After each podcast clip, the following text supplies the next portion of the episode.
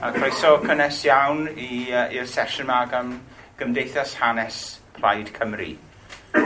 Um, a bore yma, i ni, i ni am sôn am rhywun, wy'n siŵr mae'r rhan fwyaf ohonoch chi yn, uh, uh, wedi cyfarfod y ge ac yn ei gofio yn dda.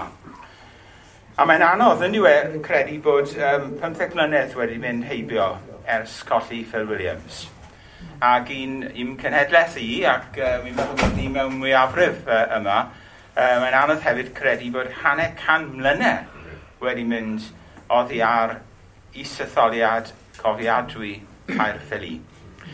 Nawr, ni'n dal i aros, dwi'n credu, am gofiant teilwng o Phil Williams, a gobeithio daw hynny maes y law. Ond mae yna llawer iawn ar, ar gof a chadw am y gŵr hynod yma. Cymaint wir nes uh, y problem yw treul penderfynu beth yw adael mas o'r sgwrff a ffordd yma. A diolch beth bod uh, Cynog, Cynog Dafis yma i edrych ar gyfraniad ffil i'r um, un dealltwriaeth o bwysigrwydd yr ymgylchedd, un, un falle yr achos mawr um, a'i fywyd. Nawr, oedd Phil yn bedair blynedd yn hun na fi, Cafodd ei eni yn, yn Rhydegar a flaenau cymoedd glofaw Gwent. A'i fagu y Margoed. Bargoed o oedd, medden nhw, yn lleoliad i'r domen lo ail fwyaf yn y byd. Ond bod neb yn siŵr iawn le oedd y domen fwyaf. a bydde Phil yn, um, yn hoffi'r stori na, a bydde fe hefyd yn, yn hoff o olrhain i ache ar y ddwy ochr ei deulu nôl i Sir Gyferddin um, i, i odre'r mynydd di uh, yn, yn, Sir, yn Sir Gaerfyrddin. Um, ac oedd hyn yn, yn eitha pwysig iddo fe, falle bod yn syndod meddwl hynny, ond oedd stori i dylwyth ef yn adlewyrchu ac yn portreadu stori miloedd o deuluoedd yng Nghymru. Rhieni i dad, er enghraifft, uh, dechrau bywyd priodasol ar, ar fferm fach uh, ar yr mynydd di o'r enw Bryn Merched ger Llyn y Fan. A flynyddoedd wedyn oedd Phil wedi mynd i geisio ffindo ble mae Bryn Merched ac oedd dagau fap 1870 dim i ffindo'r i'r hen fferm i deulu. Ond oedd dim ar ôl ond pentwr o gerig. Um, Achos pam oedd y, oedd y teulu wedi symud? Oedd ei dad wedi symud i fferm arall fe mae'n digwydd bod yng Nghymrymni. Ond oedd y fferm hynny yn dibynnu ar ffyniant uh, y diwydiant glo. A rhywbeth tebyg oedd hanes teulu i fam. Oedd ei thad hi wedi gweithio mewn ffatri wlan yn Llangadog, ac o'n nhw wedi symud hefyd i cymoedd glofaw De Cymru ac oedd e wedi dibynnu i yrfa yn y margoed. A felly fanna cafodd Phil uh, ei fagu. Yn un o drio blant, David, brawd hynaf, Phil uh, a Jennifer, yng Nghymrymni, ble oedd ei dad yn gweithio yn athro a nes ymlaen yn brif athro. Ei fam hefyd yn, yn athrawes oedd wedi mynd i'r coleg normal am hyfforddiant. A dyma hynesyn trist iawn, dwi'n meddwl, yn hanes Cymru, unwaith eto, yn, yn, yn dweud cyfrolau. Bydde Phil yn dweud fod i cyd fyfyrwyr yno yn tueddu gwatwar i acen Gymraeg, yn yr iaith Gymraeg, Gwenhys, Gwenhwyseg. Ac oherwydd hynny, medde fe, yna un rheswm o dde, o dde'r iaith ddim wedi cael i estyn ymlaen – um, yn y teulu yma yng Nghymru ni. Beth bynnag, ath Phil ymlaen i ysgol Lewis, Pengham, a dath yn amlwg yn gloi iawn i fod yn eithriadol o ddisglair. Uh, a glywys i frawd David yn ddiweddar mewn cynio gwych iawn um, uh, yn, yn cyffili, yn adrodd ar hanes am roi lift i Phil i fynd i gyfweliad yn Rhydychen yng Ngholeg yr Iesu A dychmygwch nawr, boi yn mynd mewn i gyferiad o fewn y athrawon y darlithwyr a dweud mewn gwirionedd bod i fryd e ar fynd i gair grawnt i astudio gwyddoniaeth. Ac oedd wedi cael cynnig cyfweliad gan y ddwy brifysgol. Ond, cystel oedd i berfformiad ef yn yr ysgol ac yn y cyfweliad mae'n debyg nes bod y dons yn Rhydachen wedi cadw lle yn, yn, yn rhydd iddo fe, rhag ofn iddo fe newid i feddwl. Ond, um, just rhag ofn felly, ond i Gair Grawnt ac i coleg Clare a Phil, fel David, i frawd hynna, ac yn debyg i'w uncle, dyn o'r enw R.M. Davis, mae'n siŵr beth oedd y R.M. yn sefyll am, ond fe fiodd e hefyd uh, nes ymlaen yn athro, brifysgol athro adran ffisig yn Aberystwyth. A mae'n difyr iawn meddwl bod Phil, bod Phil wedi troedio mor agos yn um, ôl trad i, i awydd. Wel, buan iawn yng Nghaer, Haer, Haer Grawnt, dath ar draws cyfrifiadur. Nawr, oedd hyn yn 1957, cofiwch. Oedd ddim ond rhyw ddegad ynghynt, so bobl yn meddwl, o, mae eisiau stafell y maint ma i gael um, cyfrifiadur. Ac o hynny mlaen, oedd Phil ar flaen y gad gyda thechnoleg o bob math. Dwi'n cofio cael, pan o'n i'n gweithio'n Swyddog Plaid Cymru, cael yn lloriau gan ganddo fe, pan oedd e'n troi rownd a gweud, well, all you need is a modem. Wel, o'n gen i'n syniad yn y byd beth oedd modem nag e-bost. O'n i'n meddwl bod ni a fri gydon gyda peiriant fax newydd. um, ond y ffil, wrth gwrs, yn bell bell o, o flaen y gadag wedyn pan oedd e wedi dweud rai blynydde wedyn y dylai pob cartre yng Nghymru feddi ar gyfrifiadur, oedd yn peddwl pobl yn meddwl bod hyn yn syniad rhyfedd iawn, ond wrth gwrs erbyn hyn, mae rhywbeth yn ni'n cymryd yn hollol yn y ganiataw. Ie, yeah, oedd Phil yn ddisglaus, dim am heiaeth o gwbl am hynny, ond, ond, yn pwynt pwysig nawr, oedd gyda fe llawer mwy i'w gynnig na'r ffaith i fod yn ddisglair. Oedd gyda ge galon ag enaid a chydwybod. Ac yn ffodus iawn iawn i ni, fe ddaeth Cymru yn gynolbwynt i'w ddyheadau. Rhywbryd, wy'n credu, gallwn ni weid yn y 50au. Achos fel un o plant y, y cymunedau glofawl, oedd gydag e ddiddordeb yn barod mewn gwleidyddiaeth radical y cymoedd. Ac yn un ar bymtheg mlynedd oed, fe eithaf yn swnio bach yn ddoniol yn y blynyddoedd hyn, ond, ond, ond fe ymunodd e, oherwydd ei ddordeb mewn syniadaeth radical, fe ymunodd e ar blaid lafur. um, ar y pryd falle, oedd e ddim yn swnio croet o'r hyrt, ond dyna dyn ddigwyddodd. Um, ac yn hair grant, fe oedd cyd-awdur Manifesto Socialism for Tomorrow, ac oedd y manifesto hynny yn dadler achos dros ddacanoli. Achos erbyn hyn, oedd i lygaid yn dechrau agor yn wleidyddol fi'n credu, ac oedd yn gweld dros ei hunan y bwlch rhwng yr elit llafur. Um, oedd e'n rhywbeth ysgwydd ydyn nhw bob dydd nawr yng Nghaergrawnt a werin bobl nôl yng Nghymru a'i sosialaeth werinol nhw. Nawr, dwi'n siŵr bydde Phil yn licio i mi yw gymharu gyda'r apostol Pawl. Ond, Mae'n rhaid bod rhyw fath o eiliad Damascus ar y ffordd i Damascus wedi digwydd iddo fe. A mae'n debyg un, un o'r pethau wedi paratoi'r ffordd oedd y dadleuon ffyrnig bydde fe'n cael gyda cydfyfyrwyr y diweddar anwyl Dr John Davis. Um, a ddath ei nes ymlaen i fod yn un o'i ffrindiau y gosaf ef. Um, ac o'n nhw'n trafod gwleidyddiaeth Cymru yn termau ffyrnig iawn. Ond er gweitha'r trafodaethau hynny, ac er bod y hadau wedi plannu, siwr o fod, uh, dyma fe yn y flwyddyn 1959 yn mynd lawr o gargrawn i cyffili i helpu yr ymgyrch llafur. Ac yna, fe gafodd e sioc. Achos fe ddath ar draws ymgeisydd Plaid Cymru. Dyn o'n enw John Howells boi oedd wedi fagu ym Pakistan, yn ddi Gymraeg, ac yn gweithio i'r diwydiant awyr ofod yng Nghaliffornia. Dyma ymgeisydd Plaid Cymru. ac ar ôl darllen manifesto Plaid Cymru, y Cymru Rydd, fe ddath Phil Williams yn aelod ohoni.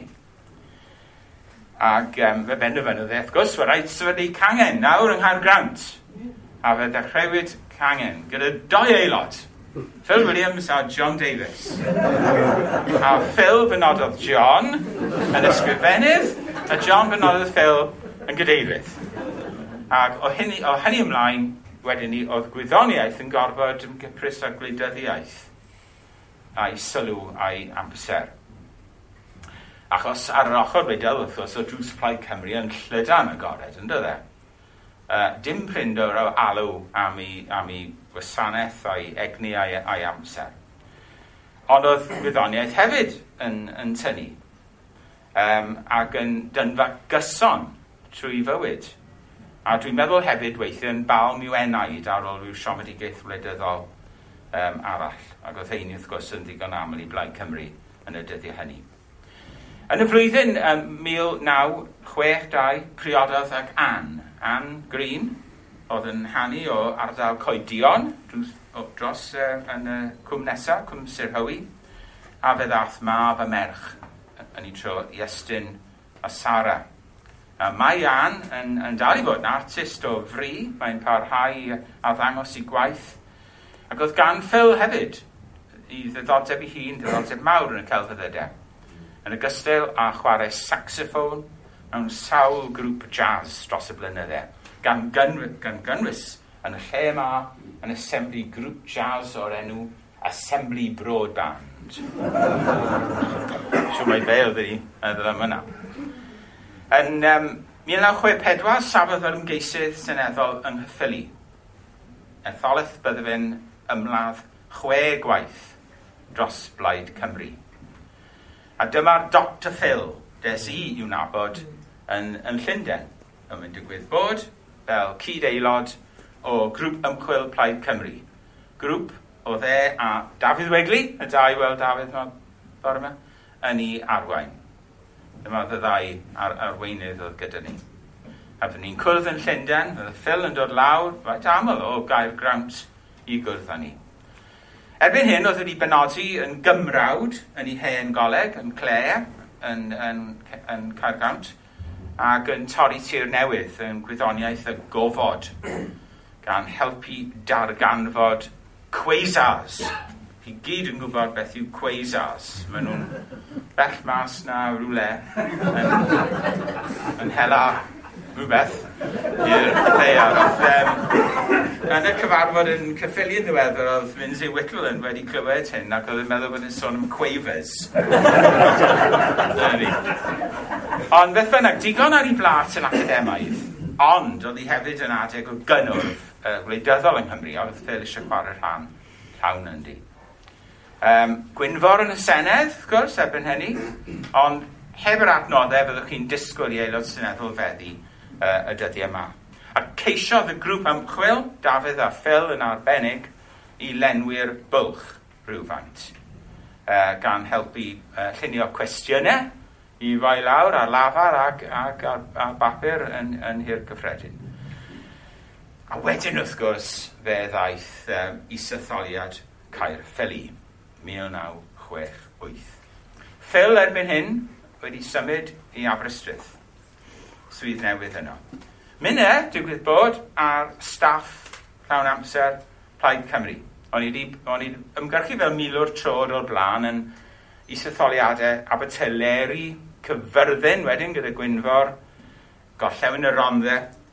Uh, ond yma tro cyntaf i mi helpu trefnu isatholiad o'r dechrau tan y diwedd.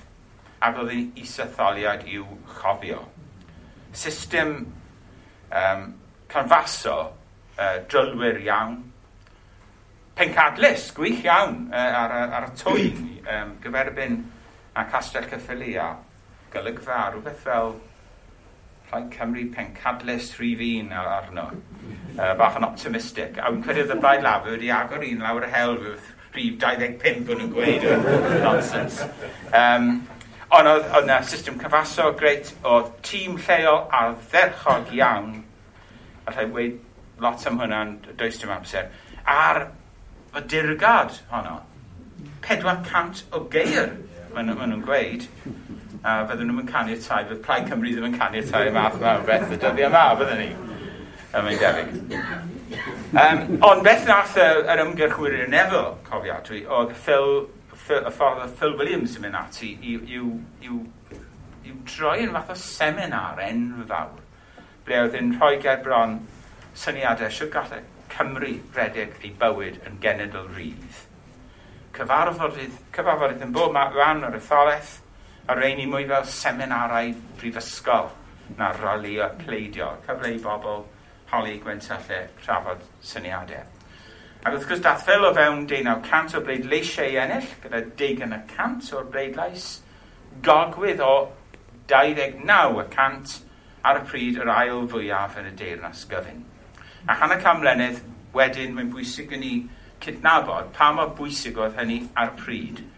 Isaetholiad cyffili wthiodd y Llywodraeth Harold Wilson i symud ymlaen i sefydlu comisiwn ar cyfansoddiad.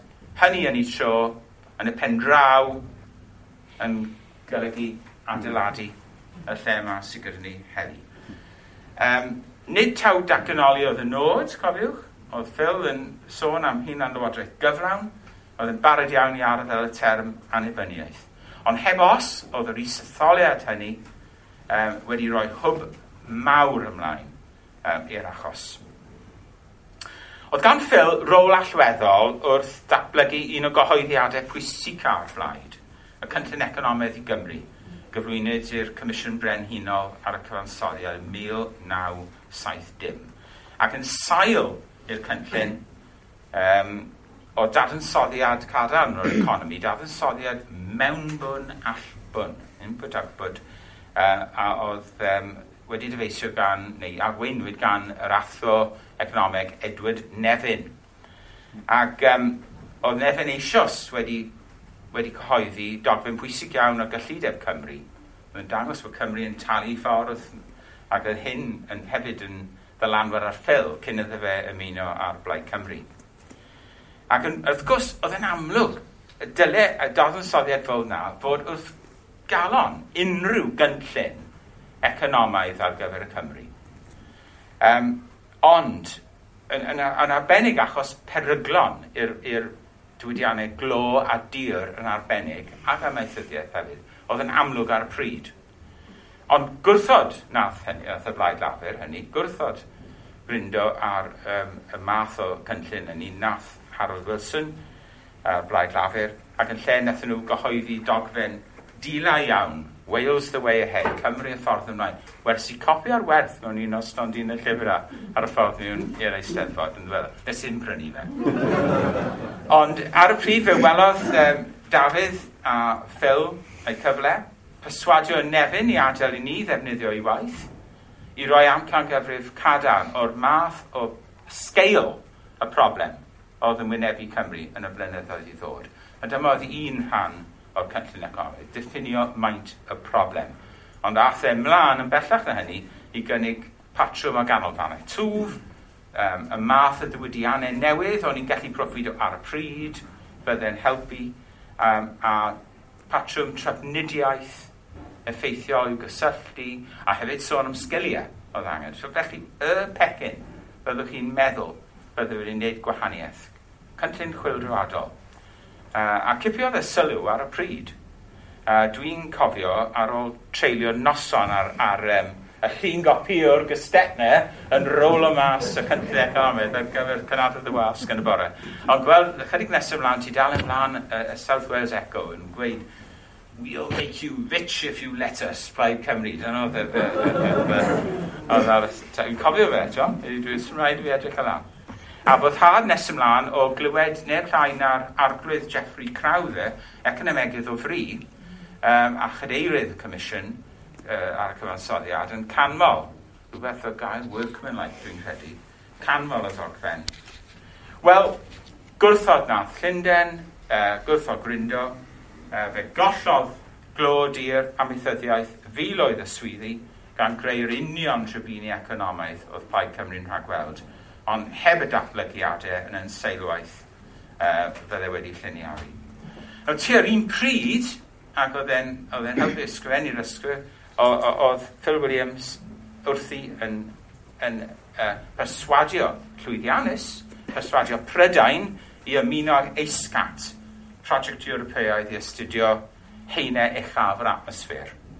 Cafodd ei benodi yn gyfarwyddwr ac yna cadeirydd y prosiect yn Cyrna, uwchben y Cilch Arctic yn y Sweden, a fe byna bydde fe'n treulio tyn dipyn o'i, oi amser. A bydde'n an, an aml iawn yn um, cymharu Cymru gyda'r hyn oedd yn gweld yn gwledydd Llychlyn. Unwaith athel a ddangosfa uh, yn, yn Cyrna yn sôn am llwyddiant i delio gyda problemau economaidd o'n nhw wedi gweld fel, fel lle oedd arfer mwyn gloddio heiarn.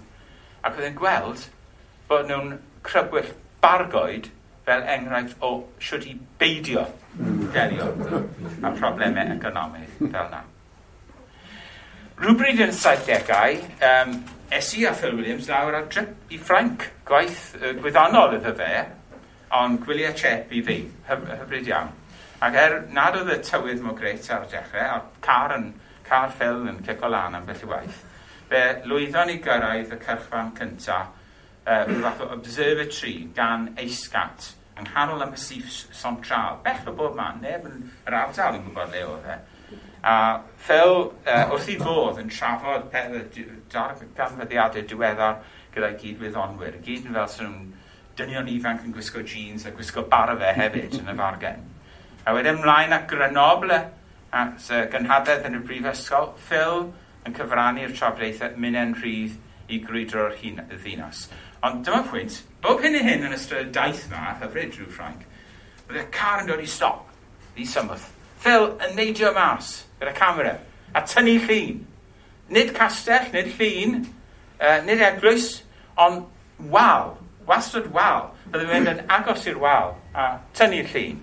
Ac oedd gyda fe casgliad oedd yn dwlu o'i ddiddordeb yn y celfyddydau, oedd yn dwlu ar cymharu y fath o close-ups o'r waliau o, o bob man yn y byd am hynny. Phil wastad yn mynd cywirdeb mewn gwleidyddiaeth ac mewn gwyddoniaeth. Doedd e ddim yn fodlon derbyn ffeithiau o heb i brofi dros ei hunan. A bydde fe hefyd yn cadw bob darn o bapur oedd yn berthnasol. A wy'n cofio unwaith yn yr 80au, oedd um, chydig bach o Helen sy'n ni arfer cael weithiau yn rhai Cymru, dwi'n dweud, roedd fi wedi Ond y talu bach o helynt ynglyn â dewis ymgeisydd yn, yn Cwm Cynon. O, ni gweud Ac um, oedd popeth yn dibynnu, oedd gan adran y menywod yr hawl i'w cynrychiolaeth ar y pwyllgor gwaith. Yeah. Ac oedd hynny yn ei tro yn dibynnu ar a oedd ei cyfansoddiad erioed wedi cael selbendydd gan y blaid yn ôl i'r rheolau i. Yeah ac oedd neb yn yn y siŵr iawn, nes, nes, i ffildd ar ganfod yr ateb, rhywle, mewn tom yn y bapel, lan yn ei atig. Oedd wedi cadw popeth. Rhyw ddogfen oedd yn dod o'r 50au yn dangos yn wir bod Cyngor Cenedlaethol Plaid Cymru wedi rhoi selbendydd. So dyna ti, na gwesti fi. Ac oherwydd hyn, falle, oedd e hefyd yn wathio'n seithio fewn gyda sawl briefcase. Papurau Plaid Cymru mewn un, papurau rhyw brosiect gwyddonol yn y llall, ac yn y blaen.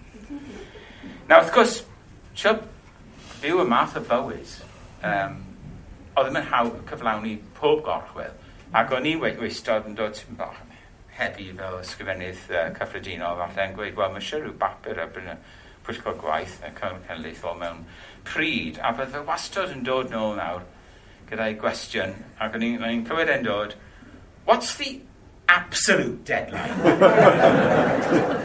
a fel arfer, bydde, bydde, bydde hwn am yn heibo, o dia. Ond, rhyw sut na gilydd, erbyn y real deadline, dyna fydde'r gwaith. A fi'n cofio sawl gwaith, oedd i treulio noson yn swyddfa Plaid Cymru, cwdyn cysgu fyna, cario ymlaen, weithio drwy'n cael cwpl o oriau gwsg, cysgu yn... Fy'n bwglwch bore gorffen y gwaith, oedd yn digwydd sawl gwaith. Ac wrth gwrs, oedd y gwaith neu o'r ansawdd uchaf allwch chi ddysgwyl. A dyna pam oedd Plaid Cymru yn tro ato fe, dro ar ôl tro, am arweiniad. Wel, mae'r ma r, ma amser yn, yn, yn, yn, lleth, yn yn llethu, ond a fi sicrhau bydd uh, copi o gweddill yr, um, y ddarlith yma ar wefan Cymdeithas Plaid Cymru hyd yn oed. Fe licen ni just um, dweud hefyd, wrth, wrth Benny, um, ar ôl nifer o ar ôl ymladd siw gymaint o etholiadau, oedd tipyn o syndod i ffil i ennill. Ond dyna ddigwyddodd yn 1999. Hanes Mirabilis Plaid Cymru. A Phil yn cael carwfaner yn etholaeth uh, Blaen y Gwent a swyddfa arbennig yng nghanol Tredega. Um, a hefyd yn sefyll ar y rester. Rhan barthol o gyfer yn Cymru. A oedd y cyfri mlaen tyn bach yn gynebwy am y sedd um, yn hwyr. Ac erbyn i Phil droi lan yn y rhambarth, yn y, yn y cyfri rhambarthol, oedd popeth drosodd. A pawb yn mynd adre heblaw un boi yn brysio'r llawr.